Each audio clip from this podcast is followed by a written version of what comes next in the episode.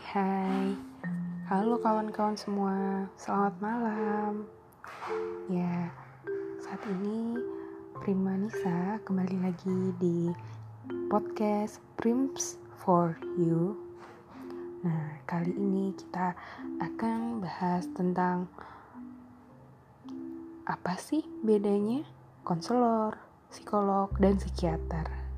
Nah kalau teman-teman tahu kan sekarang kalau misalkan ada orang yang tiba-tiba mungkin penat suka marah-marah itu selalu dibilang stres bahkan dibilang gila sinting dan lain-lain. Dan semakin dilabel tidak baik apabila mereka secara terang-terangan ke psikolog ke, bahkan ke psikiater itu langsung dilabel. Padahal gak begitu ceritanya wajar kok kalau memang kita butuh bantuan profesional. Kita harus menormalisasi nih bahwa tiap orang punya kebutuhan beda-beda. Menilai orang sebelah mata karena dia membutuhkan sesuatu yang kita tidak butuh itu harus dihilangkan nih mulai sekarang. Nah, mungkin sekarang uh, aku akan cerita-cerita sedikit nih emang apa bedanya sih psikolog, psikiater, sama konselor? Nah, yuk kita jabarin aja ya. Jadi di Prims for You ini aku akan jelasin dulu. Sebenarnya bedanya apa sih? Kita mulai dari yang namanya psikolog dulu ya Oke, kalau psikolog itu ia merupakan seseorang yang memiliki latar belakang pendidikan dengan menempuh program psikologi yang strata satunya itu dari awal itu ketika di universitas ngambil psikologi. Kemudian mengambil kembali magister profesi psikologi untuk mendapatkan gelar sebagai psikolog. Nah, kalau pakai kurikulum yang terdahulu sebelum 1997 1998 yang namanya S1 psikologis itu sudah bergelar psikolog karena eh, ketika pendidikan jenjang S1 mereka sudah mendapatkan uh, gelar profesinya psikolog seperti itu. Namun diubah kembali pada tahun 1998 itu dipisah. Jadi profesi diambil ketika strata S2 sehingga orang-orang yang mendapatkan gelar psikolog atau panggilan psikolog adalah orang-orang yang saat ini sudah mengambil strata S2 magister dan profesi psikologi. Seperti itu. Nah, bedanya apa sih? Nah, psikolog itu ada beda-beda ya macamnya tergantung di mana ranah ia dibutuhkan. Jadi ada psikolog industri organisasi, ada psikolog pendidikan, ada psikolog perkembangan anak, dan ada yang namanya psikolog klinis. Nah, yang paling mirip dengan psikiater adalah psikolog klinis. Nah, psikolog klinis itu dapat bekerja di rumah sakit, di klinik, di biru psikologi yang memberikan layanan konsultasi dan tes psikologis atau dapat membuka praktek individu sendiri. Nah, kalau psikolog industri dan organisasi biasanya bekerja di perusahaan dan ditempatkan di HRD atau Human Capital. Sedangkan psikolog pendidikan umumnya bekerja di lembaga-lembaga yang terkait dengan pendidikan.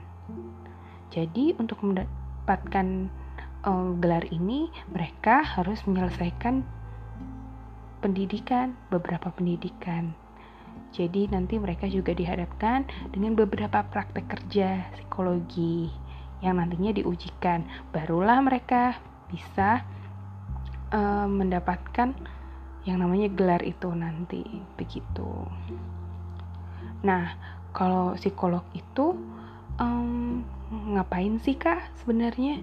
Kalau psikolog itu harus dapat mencari penyebab non medis dari suatu gangguan psikologis. Mulai dari misalkan dari awal tuh lahirnya bagaimana? Apakah proses kelahiran normal atau sesar? Bagaimana lahirnya? Sungsangkah ataukah uh, ada kendala ketika lahir terlilit uh, tali pusar atau bagaimana? Terus juga ketika sudah lahir, bagaimanakah pola asuh orang tua, bagaimanakah temperamen si anak tersebut, terus apa saja yang di kejadian yang dialami oleh individu sepanjang hidupnya. Nah, itu tuh penting banget untuk dapat menentukan penyebab dari gangguan yang ditimbulkan. Jadi psikolog tidak bisa sebenarnya kalau ditanya bisa baca wajah kamu nggak? Tentu saja kalau langsung tidak bisa, tapi bisa kalau sudah dapat hal-hal penting atau data-data penting yang terlihat dari kamu. Jadi harus data pentingnya dari mana? Ya dari observasi berkelanjutan, dari wawancara, dan dari yang namanya ada hasil tes yang dilakukan. Jadi tolong ya kalau misalkan ke psikolog atau ke psikiater atau konselor, jangan tanya bisa baca kepribadian saya nggak? Padahal bah kamu baru ketemu. Ya tolonglah, ya dikurang-kurangin. Sekarang kan udah tahu ya. Jadi nggak bisa langsung baca, oke? Okay? Lalu psikolog itu memiliki kemampuan yang kompeten loh untuk dapat memberikan tes-tes psikologi yang seperti sudah dibahas sebelumnya kayak seperti tes IQ, tes kepribadian, terus juga tes-tes yang diperlukan untuk uh, mengetahui kebutuhan-kebutuhan kliennya. Di antara sekian banyak yang di bidang psikolog itu uh, psikolog klinis itu kan tadi sudah dibilang ya bahwa dia yang paling mirip psikiater. Jadi psikolog klinis ini nanti um, menangani kasus kejiwaan memberikan diagnosa psikologis, dan memberikan psikoterapi. Nah, kalau dengan uh, kasus uh, psikolog klinis itu um, mereka bisa bekerja di rumah sakit, di klinik seperti itu. Nah, psikolog itu juga bisa bekerja sama dengan psikiater maupun konselor. Jadi tidak uh, terbatas ya bisa saling merefer. Nah, kalau psikiater bagaimana? Beda nggak sama psikolog? Ya, beda. Jadi kalau psikiater adalah profesi yang mempelajari uh, seseorang dengan latar pendidikan kedokteran untuk program S1-nya. Dan awalan pesi pada kata psikiater bukan berarti mereka menempuh pendidikan psikologi. Mereka itu adalah seseorang yang telah menyelesaikan pendidikan kedokteran yang bergelar dokter umum dan akan melanjutkan residensi selama kurang lebih 4 tahun lamanya. Tentu residensi ini dengan bidang psikiatri. Ketika seseorang telah menyelesaikan residensi dengan bidang psikiatri, mereka akan lulus dengan gelar dokter dan SPKJ. Nah, di sini baru dia bisa dikatakan sebagai psikiater. Yang membedakan psikiater dengan psikolog adalah psikiater harus dapat tahu nih penyebab gangguan kejiwaan dari sisi medis dan kelainan sistem syarafnya. Mereka harus bisa mendiagnosis gangguan tersebut, seperti skizofren, bipolar, atau gangguan psikologis lainnya. Nah, bedanya lagi yang utama adalah mereka dapat merespon obat kepada pasiennya setelah memberikan diagnosa yang tepat. Seorang psikiater dapat memberikan obat kepada pasiennya karena belajar dengan latar belakang dokter membuat mereka mengetahui mengenai hal kimia pada otak manusia yang tidak seimbang.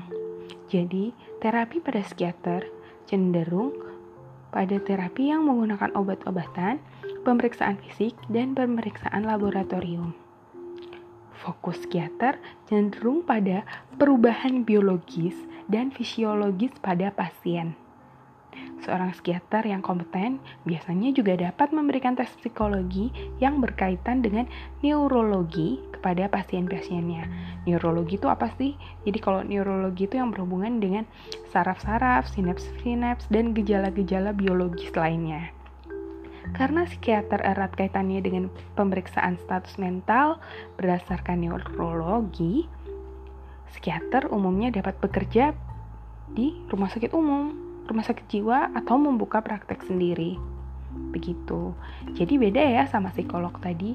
Kalau psikolog lebih ke keadaan sosial dan psikisnya, kalau uh, psikiater itu lebih ke keadaan biologis, keadaan fisiologis, dan keadaan neurologis yang bisa mempengaruhi perilaku seperti itu. Nah, kalau konselor bagaimana? Nah, konselor beda lagi nih. Kalau konselor merupakan seseorang yang menempuh pendidikan yang merujuk pada program pendidikan berupa SPD atau MPD. Jadi, um, sarjana pendidikan atau magister pendidikan yang kemudian lanjutkan spesialisasi ke bidang konselor. Gelar konselor ini umumnya MK atau MA. Jurusan tersebut biasanya juga didapatkan dari jurusan bimbingan dan konseling. Konselor itu kerjanya dengan menggunakan pendekatan yang hampir mirip dengan psikologi nih. Cuman bedanya fokusnya adalah pada seseorang yang normal bermasalah. Nah, kalau psikolog itu jangkauannya dari normal normal bermasalah hingga abnormal Nah, kalau untuk konselor adalah fokusnya normal yang bermasalah. Jadi misalkan di dalam stres kerja atau misalkan stres dalam pendidikan itu bisa ke konselor. Jadi maksudnya yang uh, normal bermasalah itu juga adalah mereka yang mengalami um, masalah dan tantangan dalam hidup, tetapi tidak sampai mengganggu kesehatan mental. Bahkan tidak sampai pada taraf gangguan jiwa. Nah, peran seorang konselor ini lebih kepada bagaimana memposisikan diri sesuai dengan klien, seperti mampu menjadi seorang teman, mentor, pendengar yang baik, bahkan mungkin memposisikan diri sebagai orang tuanya klien jika masih di bawah umur. Nah, perbedaan yang lain lagi nih, konselor tidak memiliki kompetensi yang dipelajari lebih jauh untuk dapat menangani seseorang yang mengalami gangguan jiwa. Yang sering sering tuh salah kaprah nih. Konselor yang sering disamakan dengan psikolog, sehingga ada juga kasus yang seharusnya ditangani oleh psikolog, tetapi justru ditangani oleh konselor. Nah, tes psikologi ini nanti yang dapat membantu memberikan konselor. Namun nggak semua ya, dan hanya konselor yang sudah mendapatkan pelatihan di bidang tes tersebut yang bisa memberikan tes tersebut. Nah, umumnya lagi nih, pekerjaannya konselor itu lebih banyak diperlukan di sekolah, baik itu di TK, SD, SMP, hingga SMA. Sekolah banyak membutuhkan konselor karena umumnya yang memerlukan konseling adalah anak sekolah yang segi fisik masih sehat namun mengalami hambatan. Hambatan tersebut tidak sampai membuat individu tersebut mengalami gangguan jiwa. Itu sebabnya konselor biasa ditempatkan di sekolah karena kasus yang ada biasanya kasus normal bermasalah. Nah, walaupun sedikit rumit perbedaan dari ketiga profesi ini nih, rata-rata ini hampir mirip memang, tetapi kan sudah jelas jauh berbeda ya. Yang satunya lebih ke pendidikan, yang satunya lebih ke biologis dan fisik, yang satunya lebih ke sosial dan psikis. Nah, nggak menutup kemungkinan juga nih kalau dari profesi psikiater, psikolog maupun konselor ini dapat menjalin kerjasama nih. Nah, ketika ada yang seseorang nih datang ke psikiater padahal mereka hanya butuh konseling dan psikoterapi tanpa obat, psikiater bisa merujuk ke psikolog saja. Begitu juga jika dirasa kasus yang dipegang oleh psikolog harus mendapat bantuan obat-obatan, psikolog dapat merujuknya ke psikiater. Seperti itu. Nah, bagaimana sih caranya menemukan yang namanya uh, psikolog maupun psikiater? Nah, seperti yang sudah dijelaskan tadi, kalau psikiater dan psikolog klinis kalian bisa menemukannya sekarang di minimal puskesmas di kecamatan terdekat di tempat kalian. Itu saat ini sudah ada psikolog yang sudah ditempatkan di pos-pos di puskesmas setiap kecamatan. Kalau tidak ada, kalian nanti bisa minta rujukan dari puskesmas bisa langsung ke rumah sakit seperti itu nah lalu untuk yang psikolog pendidikan tentu saja biasanya ada di ranah uh, sekolah atau ranah uh, akademi pendidikan. Itu biasanya ada psikolog yang uh, standby di suatu organisasi pendidikan. Nah, untuk yang uh, lainnya seperti di dunia pendidikan itu juga ada biasanya konselor atau seperti yang guru bimbingan kelas itu juga di ranah pendidikan seperti itu. Nah, yang ada lagi yang di perusahaan-perusahaan atau di organisasi profit maupun non profit nih itu yang khusus untuk um, melihat dinamika perkembangan perusahaan, dinamika um, well-being karyawan itu adalah namanya psikolog industri dan organisasi. Nah, begitulah perbedaan-perbedaan yang sudah saya jabarkan nih. Semoga teman-teman bisa paham ya. Kalau misalkan kurang paham, teman-teman bisa DM ke IG Prima Anissa dan uh, saya akan menjelaskannya lebih lanjut. Oke, terima kasih ya sudah mendengarkan perbedaan-perbedaan dari psikiater, psikolog maupun konselor. Um, lain kali kita bahas apa lagi ya? Hmm. Atau kalau misalkan kalian ada yang mau diceritakan, bisa loh ke tempat Instagramku di Prima Anissa. So, Prima Anissa undur diri dari Prims for You. Ya, sampai ketemu lagi di episode selanjutnya. Bye bye. thank you